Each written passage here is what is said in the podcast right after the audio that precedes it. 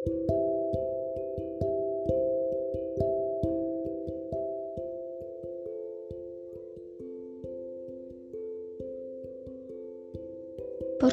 dari rangkaian empat digit angka yang menjadi penanda waktu pada dasarnya memiliki nilai karena kita tahu kita bisa kembali memulai. Ada yang menjejak ke dalam lembaran baru dengan menggenggam harapan-harapan yang telah berhasil digapai. Ada pula yang datang dengan memeluk mimpi-mimpi patah dan sejuta luka setengah mengering yang hanya menuntut untuk diajak berdamai. Selamat untukmu yang telah menjalani sebaik-baiknya peran hingga akhirnya tiba di titik tujuan.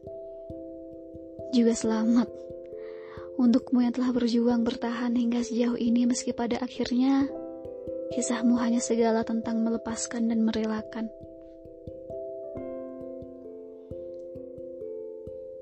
Untuk yang tengah tersenyum penuh syukur merayakan keberhasilan untuk yang tengah berusaha memaafkan diri sendiri karena mengulang kegagalan. Selamat dalam kisah masing-masing. Kita sama-sama telah menjadi pejuang. Biar sedikit kuceritakan. Seperti dirimu, aku juga tidak bisa memilih untuk menjadi bagian dari yang mana. yang tengah direngkuh pelukan-pelukan bangga, atau yang sedang berjalan tertatih mengumpulkan kepingan-kepingan diri yang perlu ditata.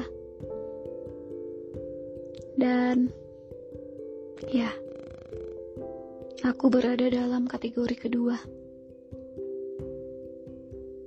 Kuakui, tidak mudah menyaksikan yang lain menemukan sementara diriku kehilangan mendengar cerita-cerita tentang hati yang mulai menemukan rumah teraman sementara milikku baru saja dipatahkan. Atau melihat yang lain mulai berlari sementara aku masih harus menetap di sini untuk menyembuhkan diri. Tapi tak apa. Aku ingin tetap mempercayai bahwa semesta diatur sesuai dengan porsinya. Ngomong-ngomong, terlepas dari impian dan harapan-harapan, jujur saja, sebagian dari diriku selalu takut akan segala gagasan mengenai waktu. Sebuah entitas abstrak yang terkadang hanya menjadi pengingat kapan untuk memulai dan mengakhiri, juga bisa menjadi pengkhianat tak terelakkan yang merubah segala yang diharapkan untuk seterusnya stagnan dan menyudahi segala yang disemogakan menjadi abadi. Terlebih lagi, bumi sedang tidak baik-baik saja belakangan ini. Umat manusia tengah tertatih berupaya memahami semesta.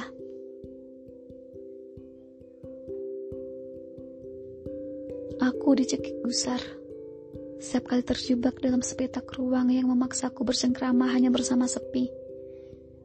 Yang diam-diam mengikat dan mengakar.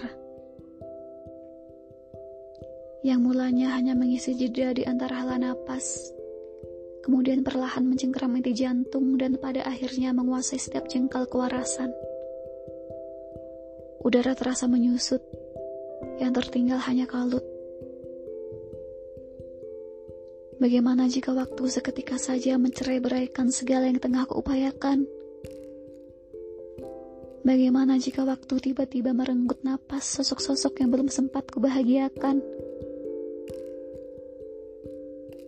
Atau bagaimana jika waktu ternyata hanya tinggal beberapa denyutan menjelang penghabisan, sementara aku tenggelam dalam kelalaian.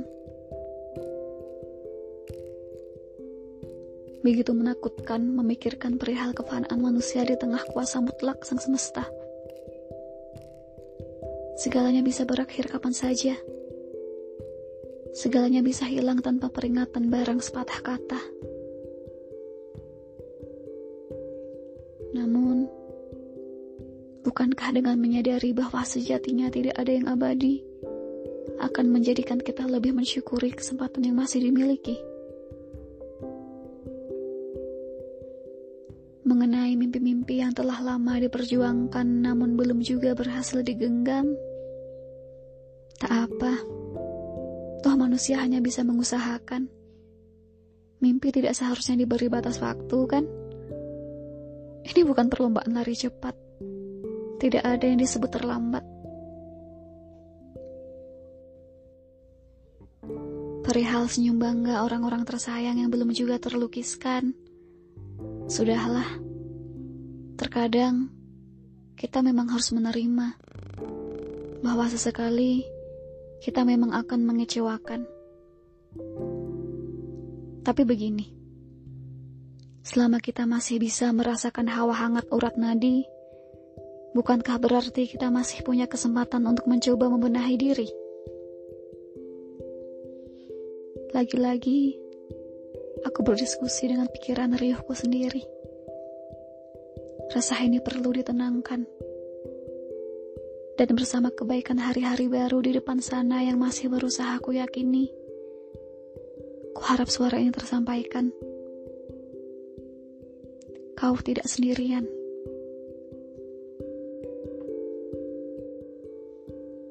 Belakangan ini, kita memang mungkin diminta untuk berdiam dan lebih banyak merenungkan. Segala ambisi mungkin memang harus sejenak dikesampingkan namun harapan harus tetap digenggam. Dan asa harus terus dihidupkan.